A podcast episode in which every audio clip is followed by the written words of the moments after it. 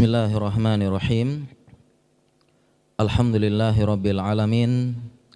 Wassalatu wassalamu ala asyrafil anbiya wal mursalin. Muhammadin wa ala alihi wa sahbihi ajma'in amma ba'd. Para pemuda sekalian, kaum muslimin dan muslimat ya, para jumlo, jumlowati.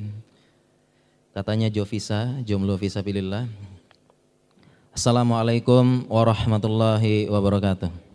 Alhamdulillah segala puja dan puji kepada Allah, salawat dan salam kepada Nabi Muhammad sallallahu alaihi wasallam. Alhamdulillah pada kesempatan malam hari ini dengan nikmat dan karunia dari Allah Subhanahu wa taala kita akan membahas satu tema yang mungkin cukup penting atau sangat penting ya bagi para pemuda yang ilmunya mungkin kita butuh, sangat butuh. Atau tadi MC-nya bilang tidak hanya pemuda, bahkan yang sudah juga perlu juga. Tema kita malam ini ta'aruf zaman now.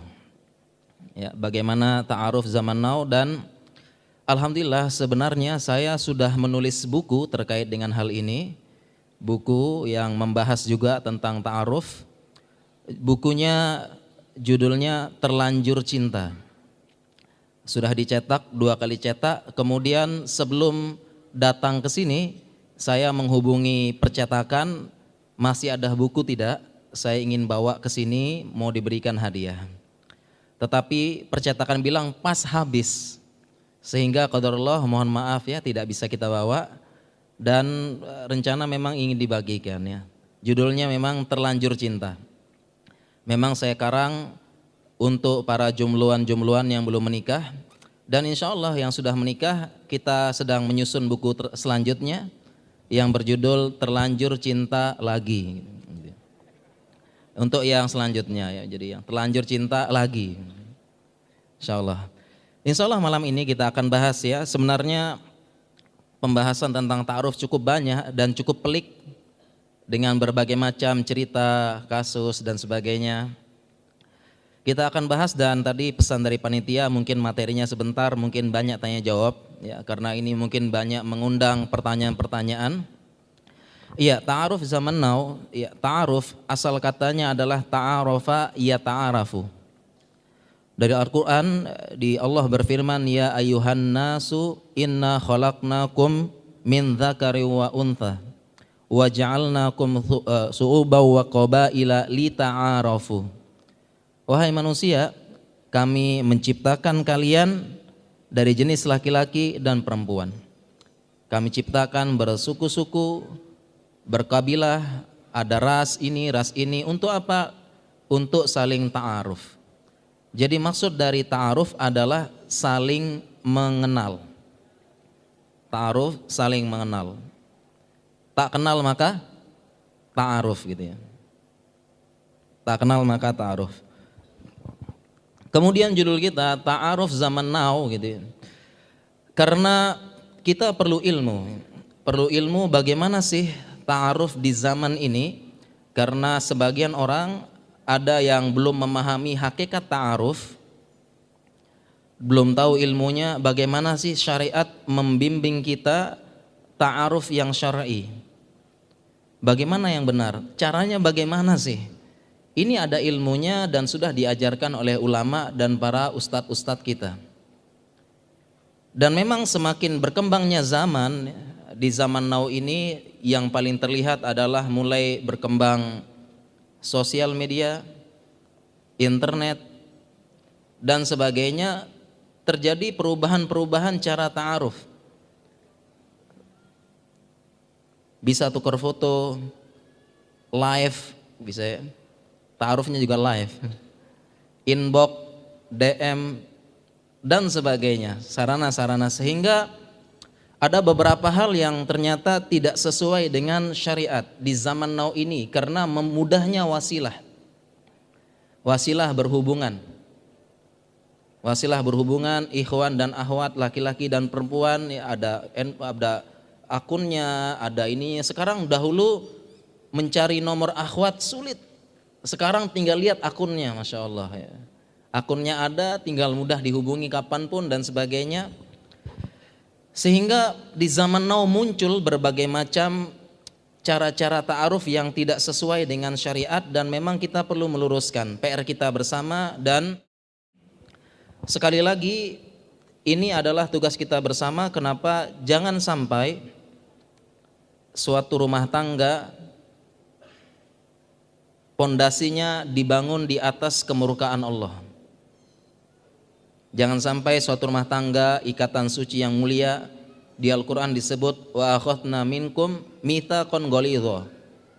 Disebutkan dan kami ambil dari kalian mitsaqan ghalidha artinya perjanjian yang goliz, perjanjian yang berat, yaitu ikatan pernikahan. Jadi ikatan pernikahan mitsaqan ghalidh, ghalidha sesuatu ikatan yang berat, perjanjian yang berat. Jangan sampai rumah tangga yang mulia, rumah tangga yang baik, bahteranya, bangunannya kita bangun dengan pondasi dan dasar-dasar yang kita mulai di atas kemurkaan Allah Subhanahu wa taala. Ini hati-hati bagaimana rumah tangga mau berkah, sakinah, mawadah, orahmah, bagaimana kita ingin tenang, litas kunu ilaiha, bagaimana kita bisa tenang dengan dia kalau pondasinya dibangun di atas kemurkaan Allah Subhanahu wa taala. Dan di zaman now pun melahirkan cara-cara yang tidak syar'i. Kita sebutkan dulu contohnya yang sudah diketahui sebelum menikah dibangun di atas pondasi pacaran. Tentu tidak. Sudah tahu semua insya Allah haram. Bagaimana mungkin pacaran bisa selamat? Dan pacaran mengenal pasangan dengan pacaran tidak sesuai dengan logika. Nanti kita bahas. Yang kedua ada lagi pacaran islami, subhanallah. Ini kita bahas juga, ta'aruf yang salah, pacaran islami. Ya kurang lebih dia kalau ketemu Assalamualaikum ya ukhti wa alaikumus sayang. Kemudian ada lagi Masya Allah namanya TTM. Apa TTM? TTM? Iya, ta'aruf tapi mesra. Masya Allah ya. Ta'aruf tapi mesra, subhanallah ini ta'aruf tidak sesuai caranya tapi jadi kesempatan untuk mesra-mesraan. Ada yang seperti ini. Ya, belum lagi ada oknum, ya ada oknum yang dia ta'aruf ke sana ke sini, masya Allah untuk main-main. Nanti kita bahas. Demikian juga ada uh, salah satu dari ta'aruf, contohnya setelah khidbah, mesra setelah khidbah. Yang namanya khidbah itu berarti bukan belum halal. Tetapi ada yang setelah hitbah subhanallah lebih hangat dan lebih romantis daripada suami istri setelah hitbah. Nah ini yang perlu kita bahas ya, bagaimana caranya yang benar dan beberapa hal-hal yang perlu kita luruskan. Ta'aruf merupakan salah satu dari tahapan ketika menikah. Jadi tahap-tahap menikah pertama memang awalnya ta'aruf dulu, kemudian khidbah, kemudian nazar melihat, kemudian akad dan insya Allah halal. Ada ta'aruf, khidbah, nazar. Ta'aruf itu saling berkenal, saling kenalan dan umumnya sebelum khidbah. Kemudian kita sebelum kita bahas tentang ta'aruf, kita bahas tentang khidbah sedikit.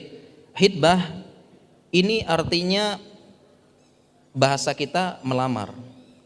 Khidbah itu maksudnya adalah kita berjanji akan menikahi dan pihak perempuan juga sudah siap-siap. Sama-sama berjanji akan menikah, tinggal tunggu waktunya.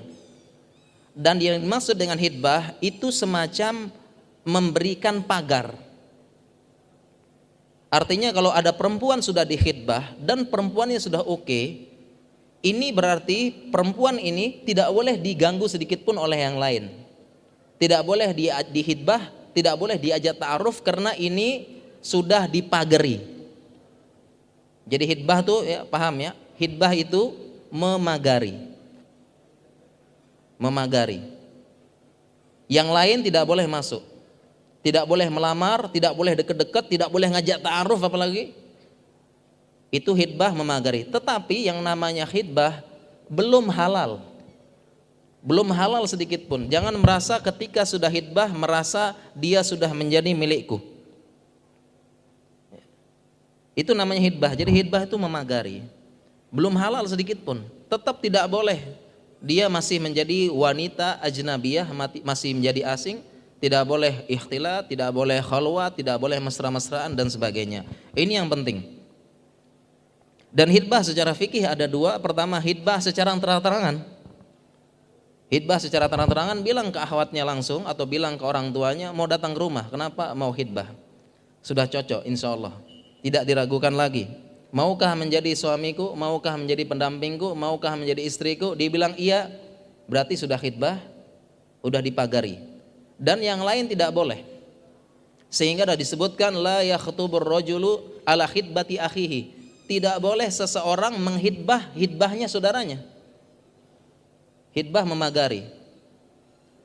Ya hatta yatruka al khatibu qalbahu sampai dia tinggalkan. Jadi laki-laki ini sampai ninggalin artinya ya sudahlah kita tidak lanjut saya batalkan hitbahnya. Au hatta ya'dzanu lahul khatib atau sampai diizinkan sampai diizinkan oleh yang menghidbah. Misalnya si A menghidbah akhwat. Sudah setuju. Yang lain tidak boleh masuk. Yang C, B tidak boleh ngelamar, tidak boleh uh, tajak ta'aruf. Kecuali dia sudah ninggalkan hatta yatruka al khatibu qalbah sampai dia tinggalkan. Dia tinggalkan tidak boleh. Artinya dia sudah kita selesai hidbah kita. Saya tidak uh, batalkan hidbahnya selesai. Atau sampai dia memberikan izin. Ya, artinya memberikan izin ya. Oh, kamu mau coba-coba taruh sama dia? Oh, silakan. Silakan. Ini yang sudah hidbah kan? Sudah ngasih izin untuk laki-laki lain untuk mau ta'aruf. Mau ta'aruf silakan. Karena kalau kamu saya yakin ditolak, gitu ya. Silakan. Dia dia ngizinin, boleh. Oh, kalau level kayak kamu silakan maju silakan. Saya yakin ditolak kalau level kamu. Tapi yang yang kalau yang lamar masya Allah ya Hafiz ya kemudian wajahnya bagus ini terkenal aktivis dakwah masya Allah ya dia harus izin dulu mau ngelamar wanita yang sudah dihidbah dia harus izin dulu sama laki-laki yang menghidbah Afan, akhi, saya ini pengen saingan pengen nano juga lamar. Oh jangan kalau tidak boleh. Nanti ahwatnya berpindah hati, masya Allah. Ya, jadi ini namanya hidbah ya. Ini pahami hidbah ya. Itu maksudnya hidbah. Dan tadi ada yang terang-terangan langsung ngomong dan ada yang hidbah dengan bentuk isyarat atau bahasanya sindiran. Itu boleh. Wala junaha alaikum fima aradtum bihi min khidbatin nisa dan tidak apa-apa engkau melakukan ta'rid melakukan semacam isyarat sindiran untuk menyindir seorang perempuan. Dan ini fikihnya pada perempuan yang sedang masa iddah. Jadi kalau perempuan sedang meninggal suaminya atau di, habis dicerai sedang masa iddah tidak boleh dilamar. Tetapi boleh disindir. Ya boleh disindir. Kalau bahasa Arabnya contoh disindir ana limis liki laro gibun. Saya ini semisal kamu saya suka. Hmm. Itu boleh menyindir. Atau kita sindir-sindir, masya Allah, semisal kamu ini calon yang cocok untuk ibunya anak-anak besok. Gitu. Nah, boleh juga. Ya, boleh seperti itu. Ini namanya hit, hitbah. Jadi tidak boleh ada orang yang masuk, ya dan yang paling penting ya dalam proses ya taruh, hitbah dan sebagainya, ingat hitbah ini belum halal. Ya, belum halal namanya hitbah belum halal. Dan ini beberapa kejadian terjadi. Ada ikhwan, ahwat setelah hitbah Masya Allah itu luar biasa. Mesranya kalah-kalahin orang yang sudah nikah. Dikira sudah halal belum? Setelah hitbah apalagi sekarang zaman now tadi sudah kita sebutkan zaman now kan mudah ya SMS, WhatsApp, ini. Jadi enggak tahu nomornya, akunnya, Masya Allah. Bisa ini, bisa DM, bisa apa, Masya Allah. Itu mesra, ketahuan. Beberapa orang itu ada ketahuan. Ya, Masya Allah. Itu mesranya luar biasa. Ya, wahai calon wadah benihku, nanti anak kita yang pertama laki-laki atau perempuan, Masya Allah. Ya, Wahai bidadari surga, ngapain? Sudah tidak sabar nunggu hari H, Masya Allah. dan sebagainya. Itu masya Allah sudah apa namanya lebih mesra. Ini harus kita kita hindari ya. Kemudian eh, ini yang penting juga setelah khidbah tadi ya, setelah khidbah kita bahas tentang ta'aruf ya. Bahas tentang uh, ta'aruf. Bagaimana cara-cara ta'aruf? Ya, bagaimana sih caranya ta'aruf? Tadi kan beberapa hal ya. Sekarang bagaimana cara-cara ta'aruf? Sebenarnya cara ta'aruf itu tidak dijelaskan secara rinci dengan dalil-dalil. Ini dalilnya ta'aruf langkahnya begini begini begini. Artinya dengan cara apa penjelasan rinci, ada hadis tentang ta'aruf. Artinya penjelasan yang khusus dan rinci. Ini tidak ada. Sehingga apabila tidak ada penjelasan secara rinci dalam syariat, maka kita gunakan kaedah al-adatul muhakkamah. Kita menggunakan hukum bagaimana adat dan istiadat setempat yang tidak melanggar syariat. Jadi kalau ada sesuatu yang tidak dijelaskan oleh syariat secara rinci, maka kembalinya adalah ke adatnya.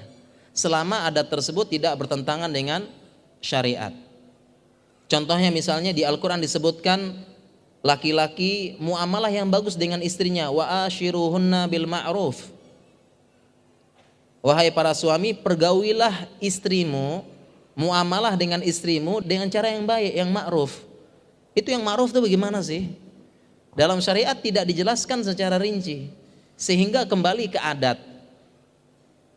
Contohnya, apakah termasuk ma'ruf kalau sudah menikah, istri ini kita sediakan pembantu atau tidak? Apakah setelah nikah ini tugas istri itu harus ngepel, masak, cuci, dapur dan sebagainya? Apakah itu cara ma'ruf apa enggak? Kita biarkan istri ngepel dan sebagainya? Jawabannya adalah kembali ke adat dan istiadat yang berlaku di saat itu, zaman itu, dan waktu itu serta masyarakat itu. Jadi kalau memang di masyarakat itu istri memang biasa masak, istri yang nyuci, istri yang ini berarti begitu cara asyiruhun nabil ma'rufnya. Tapi kalau tidak misalnya di kota dan di sebagainya, ya mereka tidak biasa, mereka anak orang kaya biasa dimanja ini kita cara ma'rufnya sediakan. Sediakan yang bisa membantu istri. Itu cara ma'rufnya.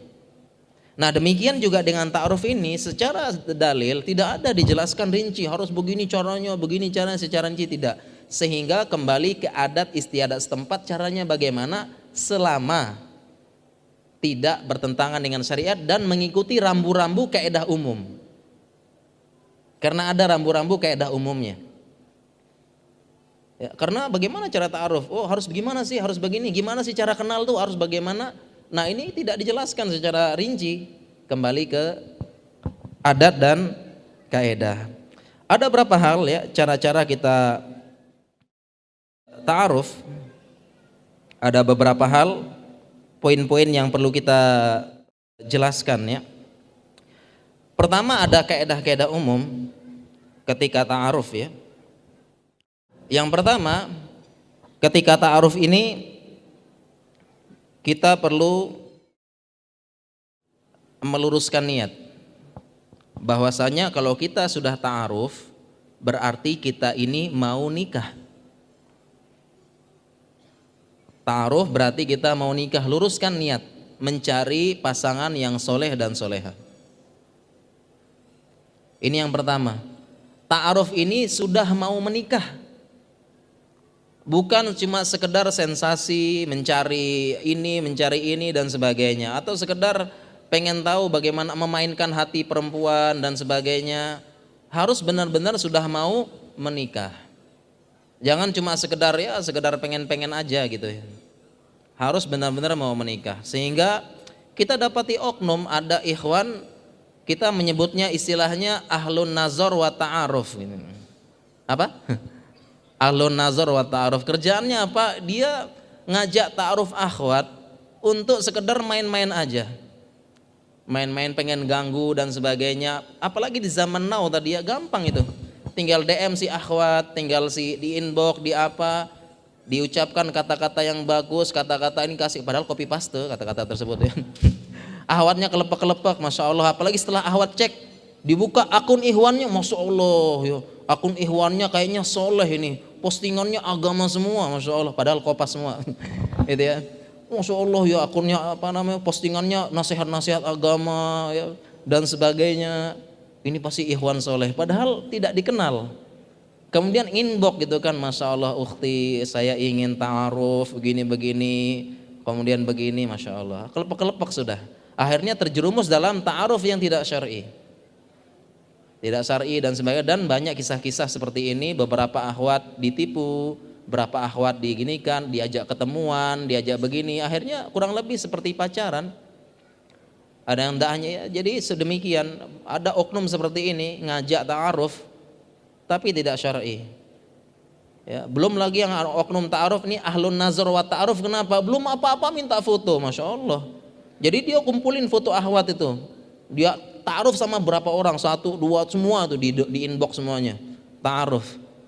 Ta'aruf dengan 10 sampai 15 orang, kumpulin foto ahwat, belum apa-apa kumpulin foto, minta foto. Akhirnya foto ahwat tersebut dijajar 1, 2, 3 sampai 15, baru di absen. Fulanah 8, 6 setengah, 7, 9, Masya Allah.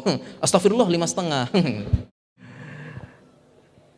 Jadi ahwat juga hati-hati, ta'aruf ini hati-hati. Ini apa namanya kalau seperti itu jangan. Ada prosedurnya. Dan ini juga salah satu adab dalam ta'aruf. Adab dalam ta'aruf itu ta'aruf itu satu-satu. Ingat, ini adab dalam ta'aruf satu-satu. Jangan sampai ihwan ta'arufnya lima orang, lima ahwat dalam sekali periode. Atau ahwat juga sama. Ta'arufnya sama beberapa ihwan sekali periode. Apalagi sekarang kan zaman now gampang kan. Sana sini, sana sini. Kalau dulu sulit. Itu sulit kita bisanya ta'arufnya minta tolong sama beberapa ihwan-ihwan yang sudah menikah. Sekarang otomatis bisa.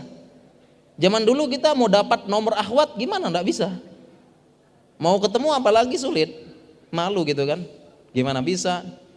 Ya aneh aja gitu ada Iwan Ahwat gitu, cingkrangan cadaran terus habis itu ketemu di apa di kafe berdua. Masya Enggak bisa zaman dulu sulit. Sekarang gampang zaman now gampang ini. Ta'aruf. Makanya yang pertama ta'aruf itu satu-satu. Tadi sudah luruskan niat harus menikah. Sudah siap menikah. Yang ihwan sudah yang ihwan sudah turun SIM-nya. SIM, surat izin menikah. yang masih apa? Yang masih apa? Yang masih kuliah ya. Sudah turun SIM, surat izin menikah dari orang tua. Jangan sampai apa sedang kuliah kemudian orang tuanya masih kamu masih kuliah. Kamu saya tanggung biayanya. Jangan sampai istilahnya orang tua nolak. Kecuali kalau kita sudah biaya kuliah, kuliah sendiri. Jangan nekat mau nikah tapi biaya kuliah masih minta orang tua. Ikhwan kan gimana? SIM-nya turun dulu surat izin menikah. Tadi sudah luruskan niat kemudian satu-satu. Tadi ya satu-satu. Jadi selesaikan dulu dengan misalnya ikhwan, selesaikan dulu dengan akhwat ini. Selesaikan dulu. Kalau sudah tidak selesai baru sama akhwat yang lain. Jangan sekali ta'aruf 5 10 subhanallah. Ini nah satu-satu, satu-satu dulu selesaikan. Kemudian setelah selesai, kalau tidak cocok baru ganti yang lain. Jangan apa di apa istilahnya kali taruh beberapa ini akan menyakitkan hati. Akan menyakitkan hati sebagaimana kita ikhwan juga tidak suka ketika akhwat uh, ta'aruf ta'aruf sama kita, ta'aruf sama ikhwan lain juga suka tidak kita? Tidak mau kan makanya la yuminu ahadukum hatta yuhibba li ma yuhibbu li nafsihi tidak beriman salah seorang dari kalian sampai dia mencintai saudaranya sebagaimana mencintai diri sendiri. Kalau kita tidak mau digituin, jangan begitukan orang lain. Kalau kita tidak ingin ahwat tersebut apa namanya dia taruh sama kita, taruh sama beberapa ikhwan yang lain, kita juga jangan. Jadi ingat taruh itu satu persatu, itu masalah adab. Satu persatu, selesaikan dulu sama dia. Kalau sudah cocok baru sama yang lain.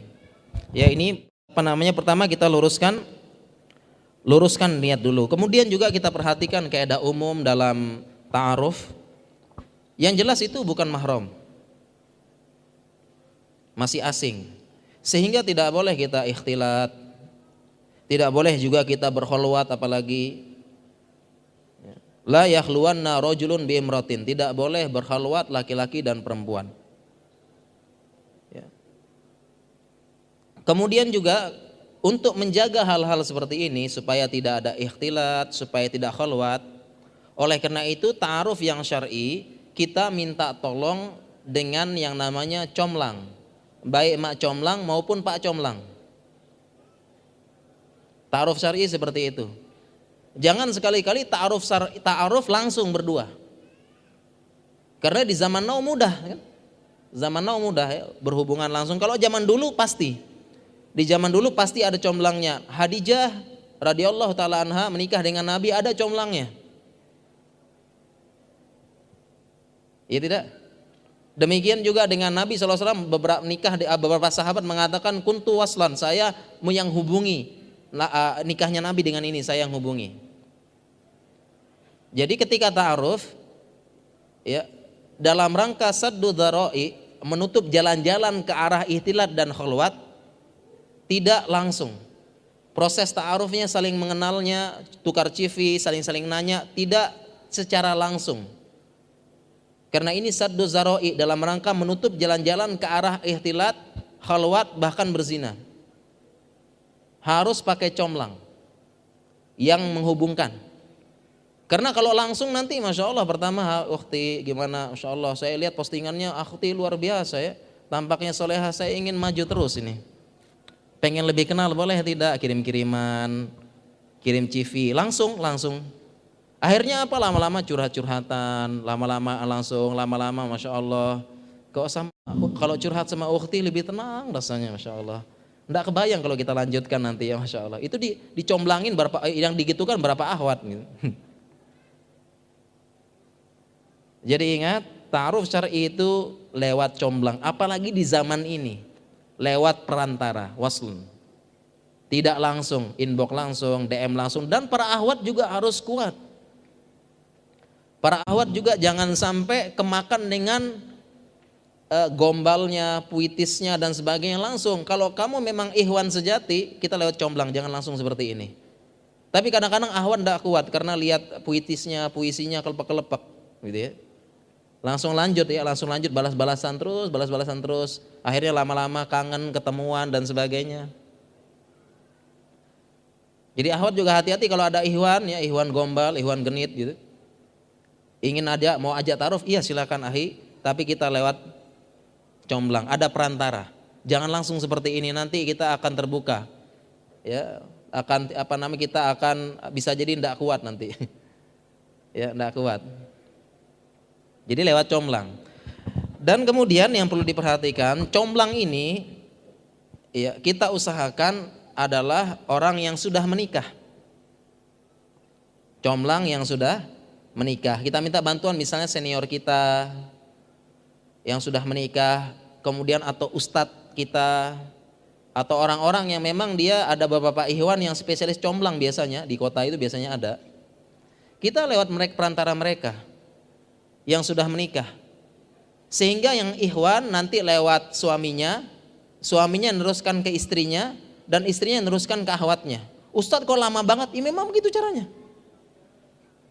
Memang sabar. Lama banget caranya ini. Iya memang begitu, pelan-pelan. Le lewat tukar, tukar, tukar biodata, mau tanya-tanya, mau apa memang begitu caranya ikhwan ke suaminya, suami ke istrinya, istri ke ahwatnya. Begitu caranya untuk untuk menjaga hati dalam langkah saddu zaroi. Kalau comblangnya ih, kalau comblangnya belum menikah, masya Allah berapa kejadian akhirnya ahwatnya nikah sama comblangnya. Masya Allah gitu. Berapa kejadian? Ternyata comblangnya nih lebih anu, comblangnya nih lebih apa lebih lebih berkenan di hati saya, masya Allah.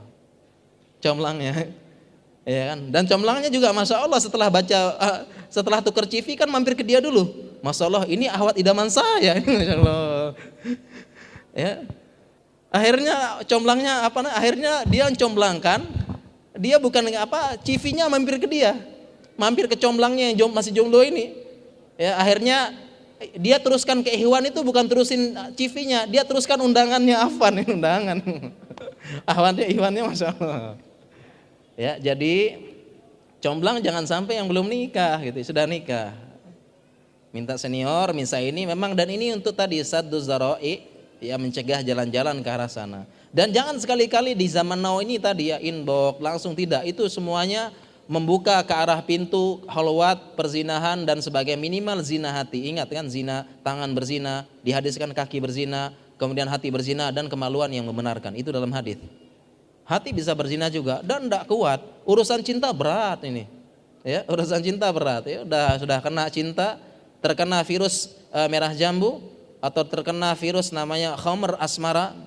Karena homer ada dua sifatnya. Pertama menghilangkan akal, yang kedua membuat ketagihan. Nah, kalau sudah homer asmara, dua-duanya kena. Pertama menghilangkan akal atau sebagian akal, ya. Jadi kalau sudah kena homer ini, langsung apa hilang akalnya. Ya, apa namanya? Dia mengatakan kalau sudah seperti ini kita ini dunia milik berdua, yang lain ngontrak.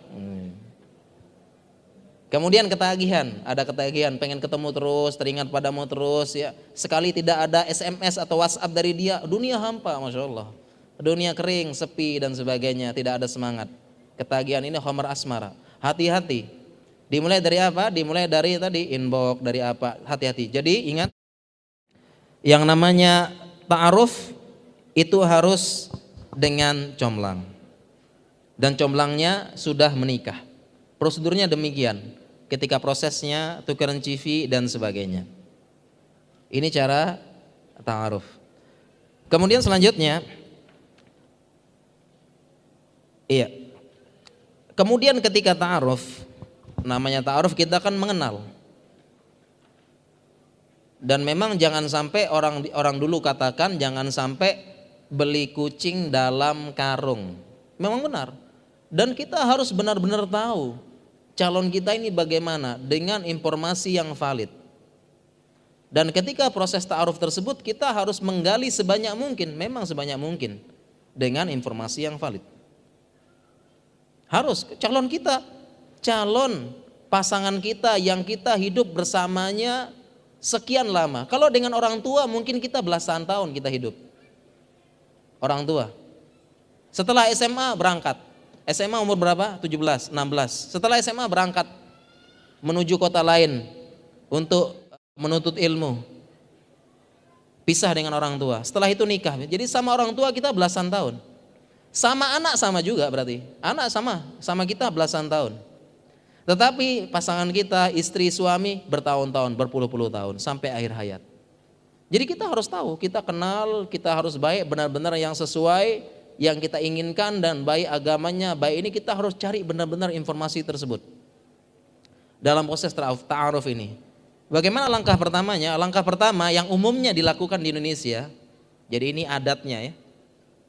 Adatnya adalah memang pertama kita harus cari dulu orangnya gitu ya. Jadi mau ta'aruf ya cari orangnya dulu. Siapa? Dia mau apa enggak gitu. Mau sih mau, tapi ada yang mau gatel, mau muntah, mau apa, ini kan beda kan. Beda-beda maunya kan.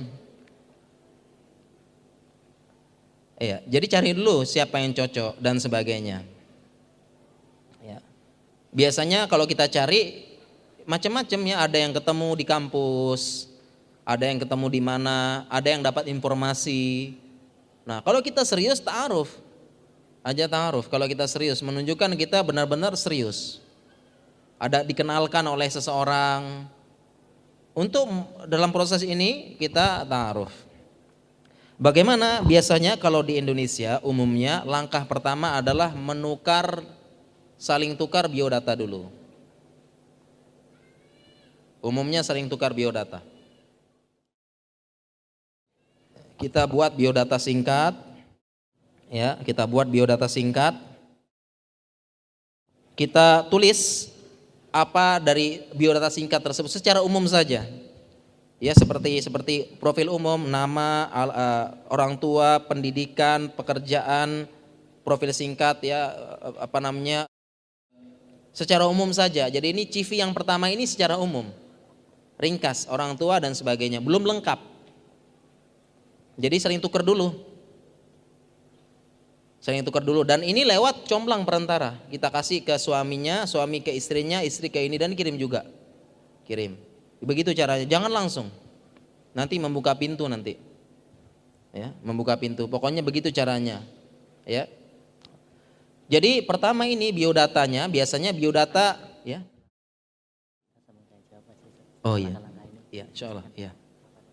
Ya, tampaknya sudah banyak pertanyaan, enggak, sudah enggak sabar ya. Kita langsung aja deh, setelah langkah-langkah ini langsung aja tanya jawab ya. Enggak usah terlalu banyak ini penjelasan. Ah, jadi itu seperti kita tuker CV, data-data dasar dulu. Tuker, ihwannya dapat, ahwatnya dapat. Data-data umum saja. Belum lengkap. Data-data umum. Ya. Dan ingat harus satu-satu ya, jangan uh, istilahnya bahasa orang Jawa kemaruk ya semua ahwat gitu kan ya Allah. Satu-satu. Nah, ketika ihwannya dapat, ahwatnya dapat, dia tahu gambaran umum. Oh, ahwat ihwannya begini, umurnya begini, dia sukunya ini, gambaran umum. Kemudian ditanya, mau lanjut apa enggak? Ihwannya tertarik apa enggak? Ahwatnya tertarik apa enggak? Kalau enggak tertarik ya sudah gitu. Nah, kalau sama-sama tertarik, lanjut apa enggak? Nanti comblangnya nanya, ini lanjut apa enggak nih? Ya, oke lanjut. Ya, dua-duanya lanjut, barulah mereka tukar informasi yang lebih dalam lagi. Saling kirim lagi, kirim data. Yang lebih dalam lagi pekerjaan bagaimana, ini bagaimana. Kemudian misalnya tadi katanya keluarga tiga bersaudara, ibunya begini, ibunya begini. Ditanya lagi ibunya gimana sih? Jadi kirim biodata yang lebih lengkap lagi tahap kedua. Yang tahap kedua ini kirim biodata yang lebih lengkap lagi, tukeran lagi. Kemudian ada tidak yang ingin ditanyakan? Kalau ingin bertanya lewat comblang lagi, saya ingin tanya tadi katanya ibunya begini begini begini begini. Nah, kamu katanya pekerjaannya begini, pekerjaannya di sana, katanya akan di sana, bisa enggak pindah pekerjaannya pindah apa enggak? Karena saya tidak boleh keluar dari kota ini kata ibu. Enggak boleh dibawa jauh-jauh. Katanya ditugaskan ke Papua, saya enggak mau ke Papua gitu. Bisa enggak ini apa mau pindah apa enggak? Itu bisa ditanya. Lewat perantara, ingat lewat perantara terus, jangan langsung. Harus lewat perantara, lewat comblangnya tersebut. Ya. Begitu caranya. Ditanya dan terus. Nah, kemudian ketika sudah ya, ketika sudah, oh kayaknya bagus ini. Setelah tuker data yang lebih banyak lagi, bagus. Nah, barulah kita istilahnya mencari lebih dalam. Kalau sudah ya sudah berhenti, sudah berhenti. Kita stop tidak cocok karena sebenarnya saya secara umum sudah cocok. Tetapi katanya kerja, kamu ini kerjanya di Papua, saya tidak mau dibawa ke Papua ya sudah cocok, sudah berhenti kalau begitu. Ya, orang tua stop. Tapi kalau lanjut silahkan. Nah ketika sudah lanjut, data-data secara umum sudah cocok, data-data yang banyak cocok, baru kita ta'aruf yang kita berusaha mendalami yang lebih dalam lagi. Kita mulai cari informasi tentang orang ini, misalnya Ikhwan, cari informasi tentang Ahwat ini. Biasanya caranya di Indonesia, cara cari informasinya kita minta testimoni beberapa sahabatnya. Sahabatnya, saya minta testimoni sahabat-sahabatmu. Nanti sahabatnya testimoni dan yang memberikan testimoni tersebut dia harus jujur ceritakan baik dan buruknya. Dan ini bukan gibah. Harus ketika kita cari ahwat tersebut atau ihwan tersebut ingin cari dia tanya saya sedang ta'aruf dengan dia. Ya, kamu sahabatnya, saya minta testimoni kamu tentang dia. Dan sahabatnya ketika ditanya dan tahu ini proses ta'aruf, kita harus jelaskan baik buruknya. Ini bukan gibah. Dia baik begini-gini tapi ternyata pelit. Nah, enggak apa-apa. Oh, jangan. Kita jelaskan baik buruknya, dia punya sifat baik, buruk dan sebagainya. Kita minta testimoni. Kemudian juga kita cari informasi sebanyak mungkin kalau perlu kita hubungi keluarganya, kita uh, perlu hubungi temannya, kita perlu ini kita cari. Terus terang aja, saya sama dia sedang ta'aruf. Saya butuh informasi yang banyak tentang dia. Cari informasi yang benar, yang benar-benar terutama yang penting tentang agamanya dan sebagainya tungkahul mar'ah lil arba lima liha wali hasabiha wali jamaliha wali diniha fasfa fi din taribat yadak. Cari informasinya tentang agamanya, tentang hartanya, nasabnya, kemudian tentang dinnya bagaimana, kita pilih yang punya agama. Kecantikan, cari informasi sebanyak mungkin. Ya, cari siapa kita cari. Dan kemudian kalau kita ingin cari hakikat orang ini, kita usahakan cari orang-orang yang selalu dekat dengan dia, yang tahu kehidupan dia. Cari. Contohnya misalnya dia tinggal di Wisma, tinggal di mana, tanya teman Wismanya, dia ngapain aja Ya, dia gimana kesehariannya? Badak subuh bagaimana tidur apa tidak? Di kamar dia banyak nonton film Korea apa tidak? Banyak ini dan sebagainya. Tanya itu. Ya, dia gimana? Marah apa tidak? Dan memang kurang kurang kurang kurang subjektif kalau kita tanya teman pengajiannya doang. Bagaimana si fulana? Masya Allah datang terus ke kajian, baik terus selama di kajian ramah dan sebagainya. Ya iya, gitu kan. Tapi kita cari juga teman-temannya, teman semua teman-teman berbagai kalangan, terutama teman-teman yang dia selalu bersama dia terus. Misalnya teman wismanya, teman kosnya, kita ketahuan subuh ngapain, ya tidur ternyata, malam begadang, nonton bola, nyelesain film Korea dan sebagainya. Kalau begini apa, ya, di kajian semuanya ramah, di kajian semua jaga adab, tapi ternyata setelah ini disenggol sedikit marah, ngambak dan sebagainya. Itu kita tanya. Kalau Ikhwan juga sama, tanya teman bisnisnya. Gimana dia bisnis amanah apa tidak? Begini kita tanya. Kita cari sebanyak mungkin informasi tersebut. Jangan sampai kita beli kucing dalam karung. Benar itu. Cari ini jangan main-main. Bukan hanya sehidup semati, tetapi sehidup sesurga nanti. Sehidup sesurga selamanya jadi pasangan kita nanti. Selama-lamanya. Jadi harus dicari informasinya tersebut ya. Cari yang baik semua, jangan ragu-ragu, tanya. Terus terang saya sedang taaruf sama dia. Saya pengen tahu informasi apa. Ya, dan kaidahnya orang-orang yang itu dia jelaskan baik buruknya harus terus terang sebagaimana ada ada sahabiah tanya kepada Nabi ada dua orang yang lamar saya nih pertama Muawiyah satu Abu Jahal Nabi SAW terus terang kalau Muawiyah miskin kalau Abu Jaham ini tidak pernah meletakkan tongkatnya, artinya sering mukul. Terus Nabi Nabi SAW terus terang. Terus terang jadi. Dan memang kita perlu tahu baik buruknya kita perlu tahu. Dan ingat, karena tujuan yang mulia dan niat yang ikhlas boleh semuanya tadi gibah. Oleh karena itu kalau niatnya tidak baik, niatnya cuma sekedar main-main, niatnya cuma sekedar pengen tahu, pengen apa, pengen mendapatkan gelar ahlun apa, ihwan ahlun nazar wa ta'aruf gitu Masya Allah ini bahaya ini. Kerjaannya cuma ngumpulin foto ahwat doang. Nikah enggak, nikah, eh, sebenarnya enggak pengen nikah, pengen tahu aja sih ini ahwat-ahwat ini gimana sih tampangnya gitu. Ya koleksi foto ahwat dan sebagainya. Ini enggak benar makanya ikhlas harus ikhlas. Ini kemudian kita lanjut kita cepetin aja ya. Kita cepatkan sedikit ya. Kan tanya jawab aja. Kemudian terakhir lah, terakhir langsung aja dah. Yang terakhir kita balas yang penting. Setelah ta'aruf, setelah itu prosesnya adalah nazor. Hmm apa? Nazor. Ya. Nazor ya. Ini penting ya. Nazor. Jadi setelah ta'aruf kita perlu nazor. Yang ihwan perlu melihat yang ahwat. Ahwat juga pengen lihat yang ihwan bagaimana sih penampakannya. Gitu kan? Dan ini perintah Nabi sebelum menikah lihat dulu. Ya. Unzur ilaiha, fa, eh, unzur ilaiha fa innahu ahra dama bainakum katanya Nabi wasallam lihat pasanganmu itu. Lihat dia bagaimana nazar karena sesungguhnya dengan nazar akan memudahkan untuk langgeng. Jadi memang sebelum nikah nazar dulu. Saling melihat yang ihwan lihat yang ahwat. Ahwat juga lihat yang ihwan bagaimana sih? Nah hanya saja kita perlu perhatikan kaedah-kaedah nazar yang pertama yang sangat penting yang namanya nazor itu berarti sudah 80% atau 90% akan mau menikahi. Saya ulangi. Yang namanya nazor itu berarti sudah 80 atau 90% sudah siap-siap menikahi. Semua udah cocok. Baru nazor.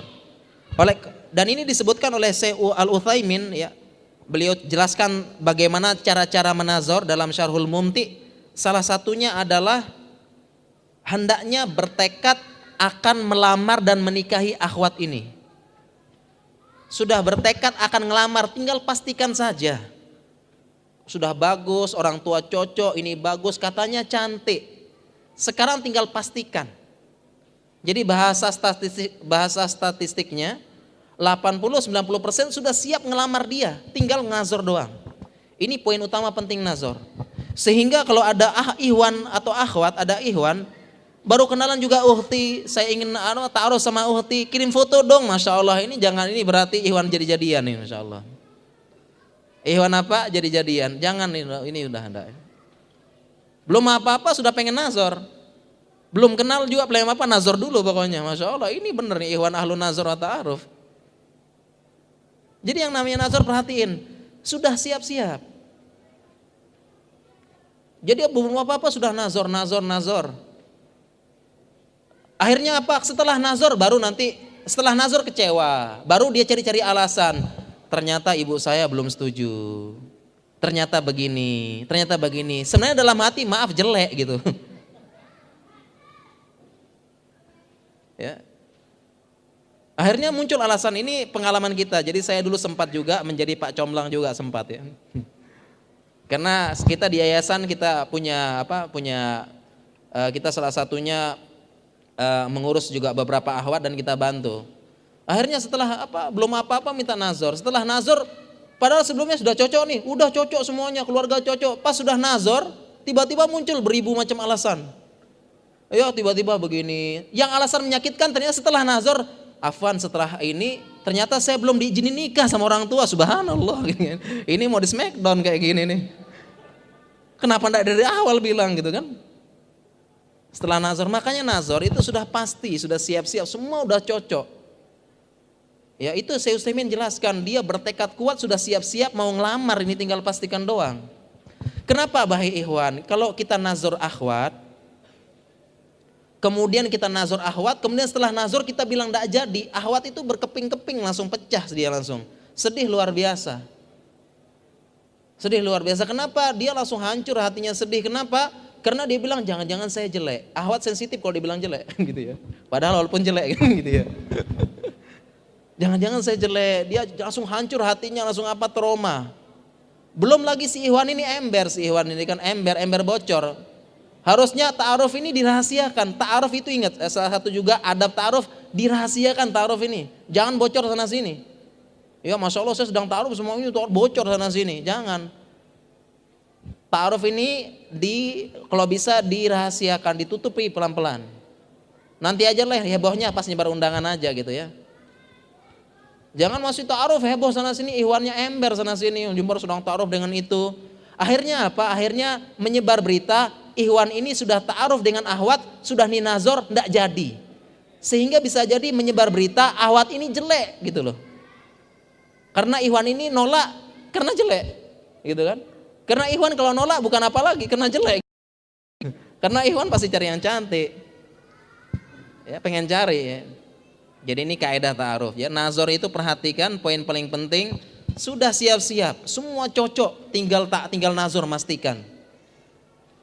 Ya, para Iwan perhatikan ya, jangan dikit-dikit apa-apa nazor, minta foto, minta live Skype, minta ini live, ya ada nazor lewat live Skype dan sebagainya. Belum apa-apa ini, masalah tunggu cocok dulu.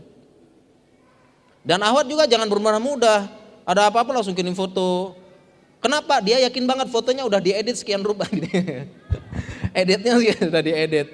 Ya jadi mas pas lihat foto, masya Allah, alhamdulillah, pas nazar, astagfirullah. Ya gitu ya. Jadi nazar demikian ya. Kemudian juga perhatiin ya nazar. Kemudian terkait dengan nazar, nazar ada fikihnya sedikit. Kalau nazar pertama tadi sudah resmi, ya sudah pasti. Kemudian ketika nazar tetap tidak boleh khalwat, ikhtilat tidak boleh. Sehingga ketika nazar ya kita usahakan bersama mahramnya. Cara yang paling aman ke rumah bapaknya langsung. Jantan ketemu bapaknya. Ya, jangan main belakang. Langsung ketemu paling ketemu mahramnya, nazar dengan bapaknya langsung. Ditemani bapaknya, ditemani mahramnya nazar. Jangan sampai ikhtilat atau harluat.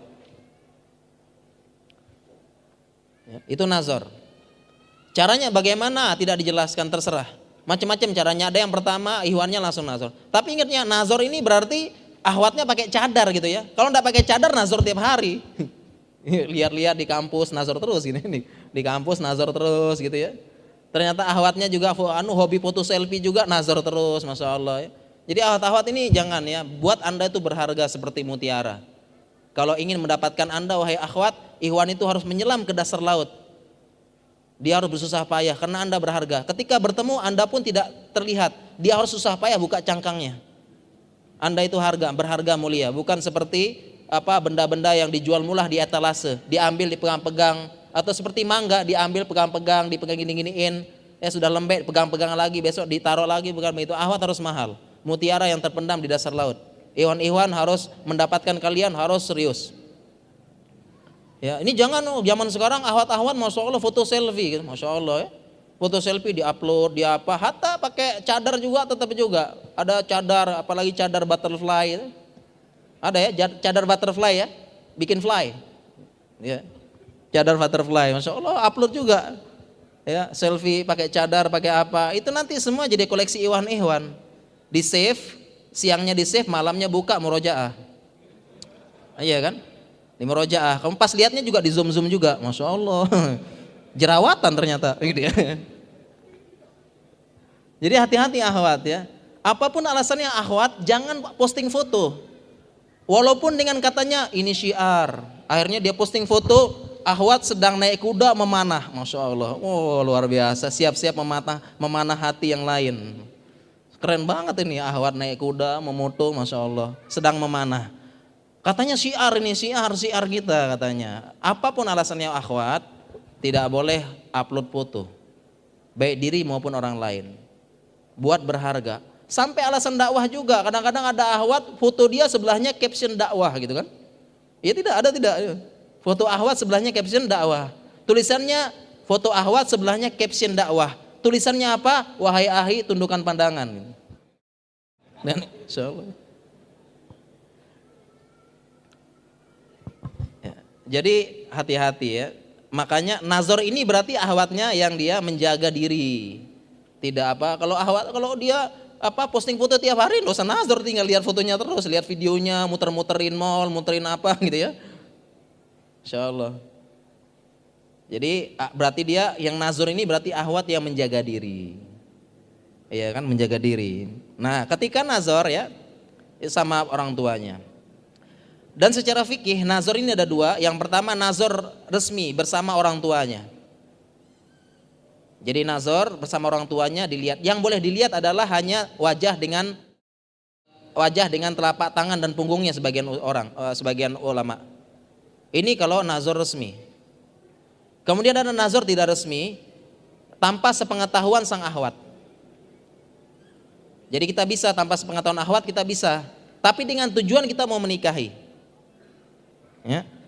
Dengan tujuan kita mau menikahi bisa. Kita misalnya ahwatnya sedang di mana kita lihat in, apa kita lihat dari kejauhan, kita apa itu boleh, tapi ingat tujuannya mau menikahi, bukan sekedar mau memata-matai dan sebagainya.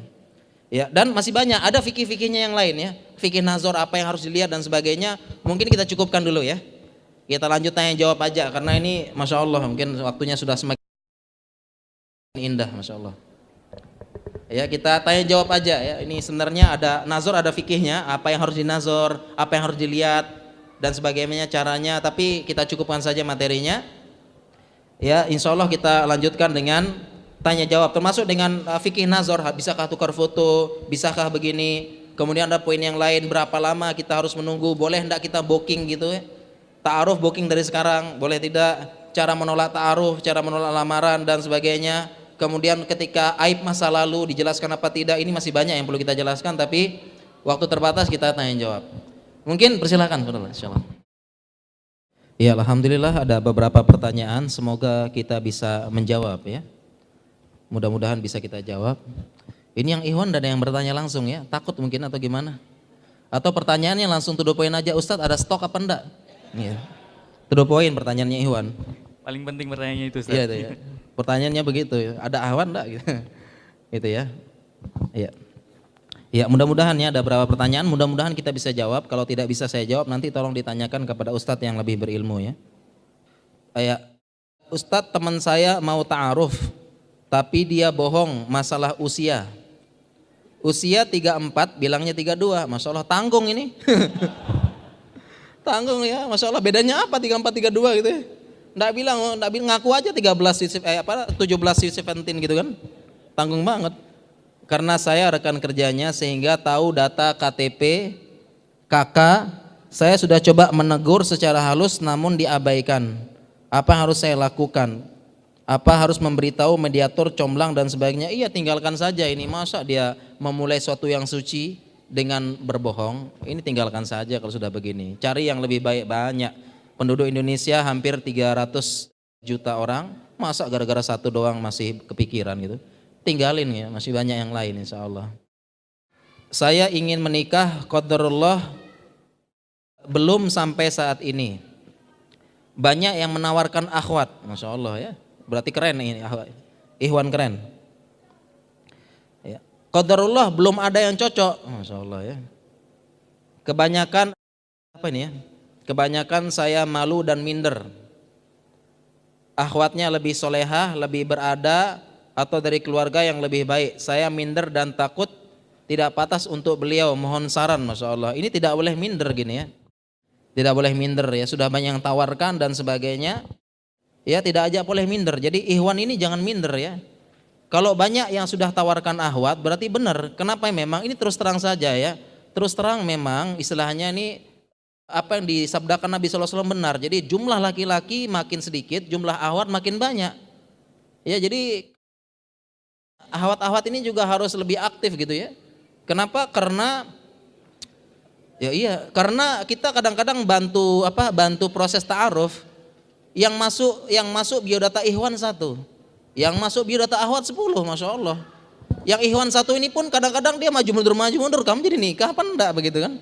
Ya jadi untuk Ikhwan ini tidak apa-apa, masya Allah ya. Jadi kita perlu di, perlu pede, ya perlu pede. Tidak apa-apa, kita perlu pede dan kita perlu pantaskan diri. Ya, perlu pantaskan diri. Mungkin hanya bisikan setan saja. Sebagai sebaiknya para Ikhwan itu segera nikah. Di zaman ini harus cepat nikah Ikhwan. Sulit gini menjaga pandangan di zaman ini. Yang sudah menikah aja pengen nikah lagi karena sulit di zaman ini. Masya Allah ya. Karena sulit di zaman ini kita mau jalan kalau kita mau nunduk ke bawah nanti kedantuk tiang listrik. Mau lihat atas masuk anu masuk lubang. Mau mejem masya Allah sayang jadi cantik katanya gitu ya. Ya, jadi hati-hati para ikhwan ya, harus segera yang bertanya segera nikah laksanakan saja udah ya. Insya Allah dan insya Allah arijalu qawamuna ala nisa laki-laki ini dilebihkan para wanita dan jangan minder ya semoga dimudahkan insya Allah. Ya, saya telah menikah usia muda, usia 21 dan istri 19. Pacaran bukan islami, namun saya dinikahkan ibu karena takut wanita pacar saya itu melakukan dosa besar. Sedangkan saat itu belum siap nikah, saya agak ragu dan tetap menikah. Dan sosok wanita baik walaupun tidak begitu cinta. Ya enggak apa-apa. Jadi dia ini sama ibunya masih muda, pacaran kemudian sama ibunya dinikahkan. Alhamdulillah ini. Ya, ini alhamdulillah dia sosok wanita itu baik tapi tidak terlalu cinta loh. Gimana dijadiin pacar nih gitu ya. Iya, bagaimana cara membangun cinta sesuai Islam? Ya, jadi dia tidak terlalu cinta dengan istrinya. Bagaimana cara membangun cinta? Membangun cinta dengan Islam dengan membangun cinta di atas agama. Karena yang membuat rumah tangga langgeng itu adalah dengan agama. Yang membuat rumah tangga langgeng adalah kecintaan di atas agama. Oleh karena itu ulama menggunakan kaidah maka nalillahi abqa. Apa-apa yang karena Allah dia akan abadi, bisa sehidup sesurga. Kalau karena Allah. Tapi kalau karena karena karena hanya cantik, jelek, hilang cintanya. Karena kaya, hilang kekayaannya, hilang cintanya. Jadi dibangun kecintaan dengan Allah di atas ketaatan pada Allah. Semakin cinta karena dia semakin taat kepada Allah. Betapa banyak rumah tangga hancur bukan masalah kurang pintar, bukan masalah kurang harta, bukan masalah kurang apa kurang perhatian karena rumah tangga tersebut tidak dibangun di atas ketakwaan dari Allah Subhanahu wa taala. Kalau rumah tangga dibangun di atas ketakwaan, suami perhatikan hak istri, istri perhatian suami, suami tidak mau selingkuh, istri tidak akan selingkuh, istri dan sebagainya. Jadi banyak rumah tangga hancur bukan masalah ini. Dan kadang-kadang rumah tangga itu yang hancur orang-orang pintar, orang-orang cerdas, bergelar, bertitel, dan sebagainya, hancur rumah tangganya. Jadi bukan masalah rumah tangga, bukan masalah pinter, bukan masalah harta, tetapi kurang takwa kepada Allah Subhanahu wa taala. Ya, jadi gitu cara yang membangunnya. Saya sedang ta'aruf dengan seorang akhwat melalui media ta'aruf yang namanya titik-titik-titik kita sensor ya. Sesuai syar'i didirikan oleh ustadz titik-titik-titik. Qadarullah dia sedang kuliah dan akan lulus tahun depan awal tahun. Yang saya tanyakan ketika nazor apakah saya harus minta bantuan agar bisa meyakinkan orang tuanya? Setelah saya cari tahu dari segi agamanya, insya Allah sudah baik agamanya dan saya berniat serius. Dia tidak pernah memposting foto. Yang saya tanyakan ketika nazor, apakah harus minta bantuan agar bisa meyakinkan orang tuanya? Oh mungkin maksudnya ahwat nazor ke dia gitu ya. Ahwat nazor ke dia, terus orang tuanya yakin. Tidak apa-apa kita ketika nazor kita minta bantuan. Artinya misalnya begini, ketika kita nazor ahwat, kita tidak apa-apa tanya ke yang lain, gimana sih cantiknya secara gambaran angka dulu 8 setengah, 9 setengah atau gimana. Dan insya Allah cantik itu relatif ya. ya relatif ya. Jadi tidak apa-apa kita tanya orang lain dulu dia cantik apa enggak? Cantik apa enggak? Bahkan kalau kalau kita berbicara masalah fikih, ketika kita ditawarkan ahwat, yang kita tanya cantiknya dulu, baru kita tanya agamanya. Kalau kita ditawarkan, bukan nyari gitu ya, ditawarkan orang, ini ada nih ahwat bagus, kita yang kita tanya pertama kali cantiknya dulu, baru agamanya. Kenapa? Kalau kita tanya cantiknya dulu, kita oke, okay, kita tanya agama, kemudian ternyata jelek, kita tolak, enggak apa-apa. Tapi kalau kita tanya agamanya dulu, baru cantiknya enggak mau, berarti kita sudah tolak agamanya. Ini adab. Dan perhatikan ketika tanya cantik, kita sebelum para ikhwan menerapkan standar kecantikan, para ikhwan ini perlu namanya ngaca. Ya, ngaca dulu gitu ya. Ngaca dulu sebelum apa? Menerapkan standar kecantikan. Apa para ikhwan? Ngaca gitu ya. Ngaca itu ya ngaca dulu ya pengen cantik lihat dulu dia wajahnya gimana gitu ya jangan sampai nanti rumah tangga berbuah surga. Kenapa? Suami selalu bersyukur dapat surga. Istri selalu bersabar dapat surga juga. Bersabar dengan suami yang jelek gitu ya. sama-sama surga. Ya jadi ini bagaimana? Boleh kita yakinkan orang lain? Boleh. Ada orang lain juga bibi kita ikut nazor dia. Boleh. Gimana bi? Cantik apa enggak? Masya Allah ya. Mirip sama ibu saya cantik ya gitu. Gimana? Kira-kira dibandingkan sama artis fulan gimana gitu. Ya. Boleh kita minta ya, kita minta apa namanya bibi bantu orang bantu orang lain ikut nazar enggak apa-apa bibi kita. Kalau Ikhwan juga sama minta pamannya lihat gimana Ikhwannya sih? Apa gimana? Ya, ganteng apa enggak atau gimana gitu ya. ya. Dia katanya pengen cari yang putih, mancung, semampai dan sebagainya. Ini Ikhwan gimana sih? Jangan-jangan dia masya Allah ya. Ya Ikhwannya ternyata apa namanya fisiknya tidak bagus gitu ya. Pengen cari yang cantik. Jadi tidak apa-apa kita minta bantuan orang lain untuk meyakinkan nazar. Tidak apa-apa.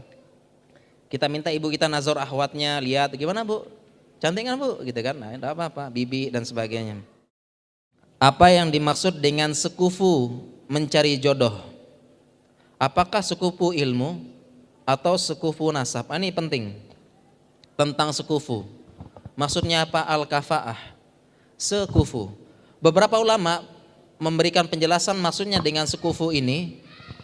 Ya, beberapa ulama menjelaskan sekufu ini maksudnya sekufu agamanya.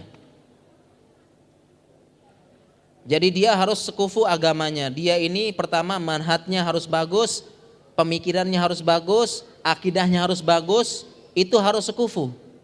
Sebagaimana kita, kita berusaha akidah bagus, manhaj bagus, bagus, Ahok pikir juga seperti itu juga.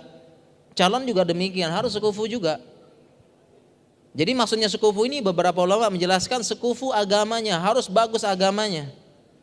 Baik pemikirannya, akidahnya, manhajnya, ini maksudnya sekufu. Beberapa ulama menjelaskan. Sekufu itu sekufu agama.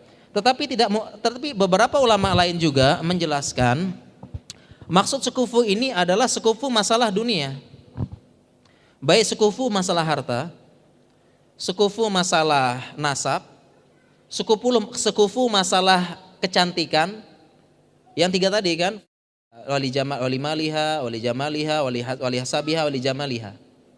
Berapa ulama menjelaskan juga penting juga kita memilih sekufu baik dari hartanya, kekayaan, nasabnya dan wajahnya.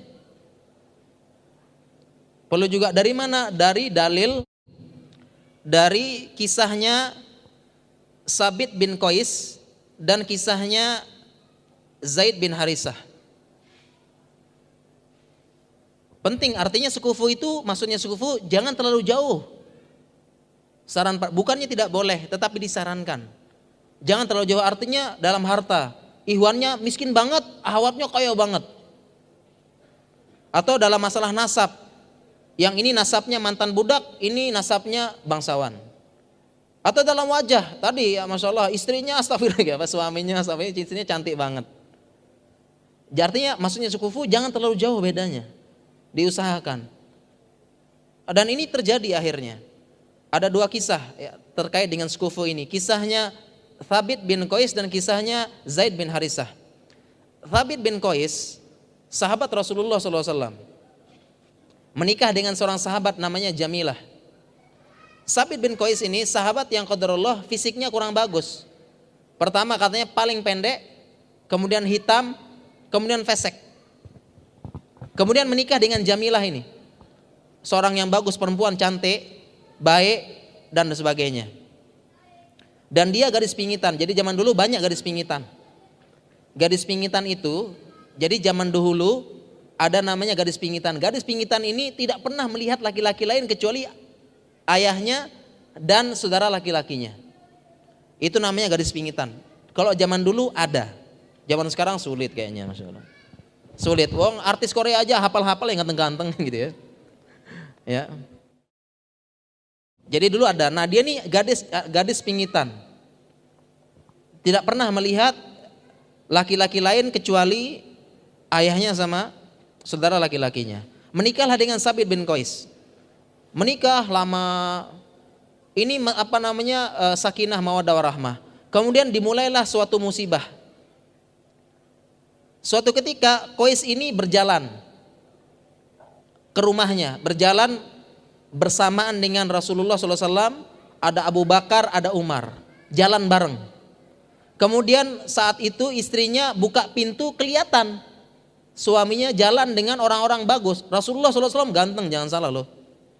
Ganteng beliau tuh. Umar apalagi tegar, tinggi, besar.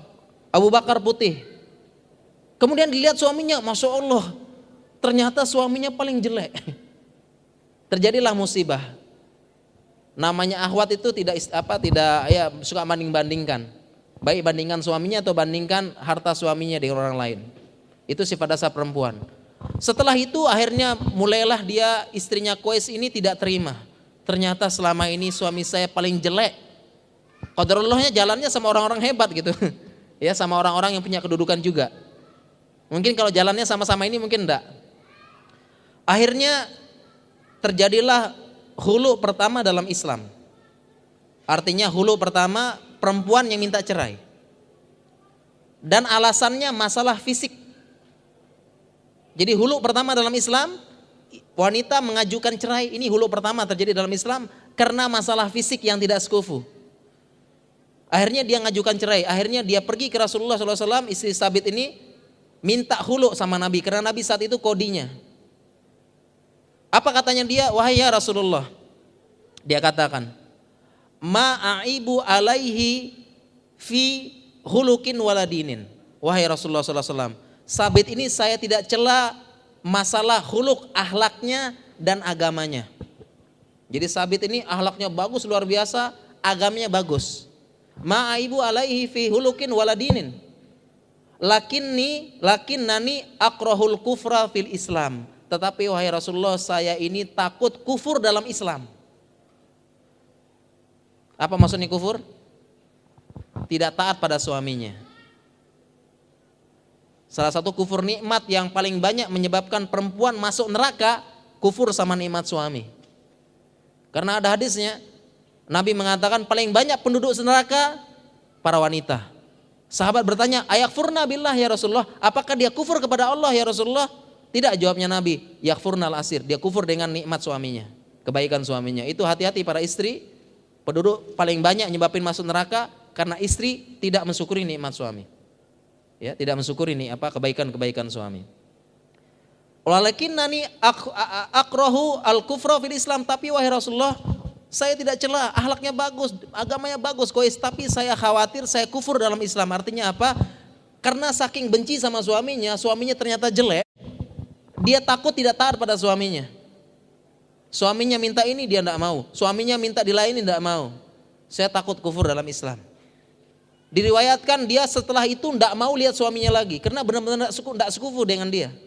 Bahkan di riwayat yang lain dia mengatakan setiap saya melihat suami saya, saya pengen ludahi katanya. Karena benar-benar tidak sekufu. Akhirnya Rasulullah SAW aturidina, apakah engkau ingin mengembalikan kebunnya si Kois? Karena maharnya adalah kebun. Jadi fikihnya hulu, kalau dia hulu, istri harus mengembalikan mahar. Apakah kamu ingin mengembalikan kebunnya Kois itu katanya. Zaman dulu kebun itu perusahaan besar. Jadi zaman dulu kebun itu perusahaan besar ibaratnya. Tidak main-main. Apakah engkau ingin kembalikan kebunnya Kois karena engkau minta hulu? Apa jawaban dari istrinya ini? Iya, bahkan kalau bisa saya tambah katanya. Saking ingin lepas dari suaminya. Ini karena masalah apa? Masalah hulu.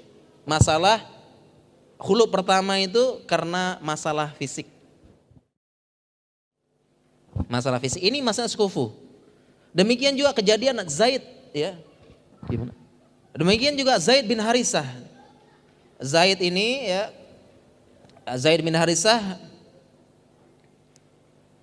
dia juga cerai ya dengan uh, Zainab, istri Nabi SAW. Karena waktu itu dia dinikahi dengan Zaid. Kenapa cerai? Intinya kenapa? Karena Zaid ini mantan budak. Sedangkan ini bangsawan bangsawan. Ini walaupun sama-sama soleh, tapi karena beda nasab, ini mantan budak, saya bangsawan, tidak cocok. Akhirnya cerai. Jadi penting, ini masalah sukufu juga penting. Artinya jangan sampai terlalu jauh. Kalau ta'aruf jangan sampai terlalu jauh. Ini penting juga. Ya. Sehingga ada pertanyaan kadang-kadang ahwat, Ustadz ini sebenarnya bagus. Yang datang ke saya ini ngelamar, soleh, katanya Iwan Iwan agamanya bagus aktivis dakwah. Tapi Ustadz Ahwan wajahnya enggak mau. Boleh saya tolak apa enggak jawabannya boleh tolak apa enggak boleh. Dan dia bukan termasuk menolak Iwan yang soleh. Boleh. Asalkan benar-benar jomplang gitu loh. Kalau sama juga wajahnya jangan gitu ya kalau sama-sama wajahnya ternyata 11 12 ya. sama-sama sama-sama mancung ke dalam sama-sama ini ya jangan gitu ya jadi seperti itu jadinya ya. Maksudnya sekufu itu demikian. Tapi jangan juga jadi alasan gitu ya karena sekufu ini apa namanya banyak terlalu banyak milih-milih. Terlalu banyak milih-milih. Ya, jadi pengen begini, pengen begini karena pengen banget, pengen sekufu banget. Ini sulit. Ya, pengen cari yang sempurna banget. Ya, jadi ini sekadar pertimbangan saja. Dan insya Allah kalau kita lihat tidak ada yang sampai jomplang, insya Allah tidak ada. Tidak ada yang sampai jomplang banget, miskin miskin banget, kaya kaya banget, enggak, insya Allah enggak. Tidak ada yang sampai ini ya, jadi jangan terlalu pilih-pilih lah, sulit. Ya, ya sulit. Ya, jadi ya sampai ada ungkapan, kalau di zaman kita dulu, susah apa susah cari jodoh itu karena pilihan sedikit. Karena zaman dulu kan sedikit kan kalau kita mau ta'aruf itu harus cari orang kenalan. Tapi kalau di zaman sekarang orang tidak nikah-nikah karena pilihan terlalu banyak. Karena gampang ada akunnya, ada apanya dan sebagainya. Jadi milih-milih sana sini sana terlalu ini. Lama nikahnya jadinya. Zaman dulu kita susah nikah karena memang susah akses susah zaman dulu. Zaman sekarang susah nikah karena terlalu mudah akses. Terlalu pilah-pilih sini pilah-pilih sini. Ya, pengen yang cari yang sempurna karena perbandingannya sudah banyak tinggal lihat akunnya lihat akun ini nazor sana nazor sini lihat fotonya banding-bandingkan. Ya, padahal dia juga apa namanya sih ini? Ustadz zaman sekarang susah banget cari yang soleha Ustadz. Jawabannya bukan cari yang soleha, bagaimana kamu jadi soleha dulu gitu ya. Ana termasuk orang yang patah hati karena ditinggal menikah. Masya Allah ya. Pantesan ini pertanyaannya segini Masya Allah ya. Ini proses ini juga patah hati mungkin ya dalam proses hitbah melamar ke rumah ahwat ataukah sendiri bersama anggota keluarga? Ya kita jawab dulu. Karena patah hati ditinggal menikah, masya Allah ini segera move on aja lah ya. Tadi sudah kita bilang penduduk penduduk Indonesia berapa? 300 juta, masya Allah gara-gara satu lupa 300 juta. Ya, ini move on langsung. Makanya kadang-kadang kita perlu ini pelajaran melupakan. Dari SD sampai SMA diajarkan pelajaran nginget-nginget terus, menghafalkan. Perlu pelajaran melupakan. Jadi ditinggal karena menikah ya sudah, nggak usah patah hati, cari yang lain. Dan insya Allah ya move on ini kaedahnya adalah kaedahnya Syekhul Islam Ibnu Taimiyah. Supaya bisa move on pakai kaedahnya Syekhul Islam Ibnu Taimiyah. Eh, beliau mengatakan an-nafsu la tatruku syai'an illa bisyai'in. Yang namanya jiwa tidak bisa meninggalkan sesuatu atau move on dari sesuatu kecuali ada sesuatu yang menggantikan. Jadi bagaimana cara patah hati? Segera ta'aruf dengan yang lain, ada hati yang lain mengisi dan insya Allah sudah tidak patah hati lagi. Ya begitu nafsu la illa. Bagaimana cara ninggalin musik? Harus digantikan dengan Al-Qur'an. Kalau tidak digantikan dengan Al-Qur'an, tidak bisa ninggalin musik. Sama sekali. Jadi intinya sekali lagi para ikhwan jangan bermudah-mudahan nazar akhwat. Ya, jadi kalau kita nazar akhwat itu berarti sudah siap-siap menikahi. Jangan belum apa-apa langsung minta foto langsung nazar. Dan akhwat juga hati-hati, tipe-tipe ikhwan kayak begini ditahzir aja udah ya, dijauhi gitu ya. ini enggak benar berarti ini berarti ya. Itu enggak serius berarti dia. Artinya dia pengen fisik aja. Pengen fisik tok, ya hilang cantik, hilang kecat, hilang kecantikan, hilang juga cinta. Ya perhatikan cari yang benar-benar bertakwa. Demikian insya Allah berarti ya. Ini lanjut lagi tanya jawab atau selesai sudah ya kita? Selesai sudah ya Masya Allah ya sudah setengah mau jam 9. Mungkin demikian para ikhwan dan ahwat sekalian, para syabab, para pemuda. Ini tentang materi kita sebenarnya masih banyak ya tentang yang perlu kita bahas tapi waktunya kurang cukup. Ya, dan nazar tadi masih ada fikih-fikihnya lagi. Kapan-kapan insya Allah kita bahas dan kita berdoa semoga para para ini para jojoba ini jumlah-jumlah bahagia di sini dimudahkan dapat jodoh, mendapatkan yang soleh dan soleha dan demikian juga dimudahkan membangun rumah tangga sakinah mawadah warahmah. Demikian yang bisa kita sampaikan, kurang lebihnya saya mohon maaf. Subhanakallahumma wa bihamdika asyhadu alla ilaha illa anta Astaghfiruka wa atubu Wassalamualaikum warahmatullahi wabarakatuh.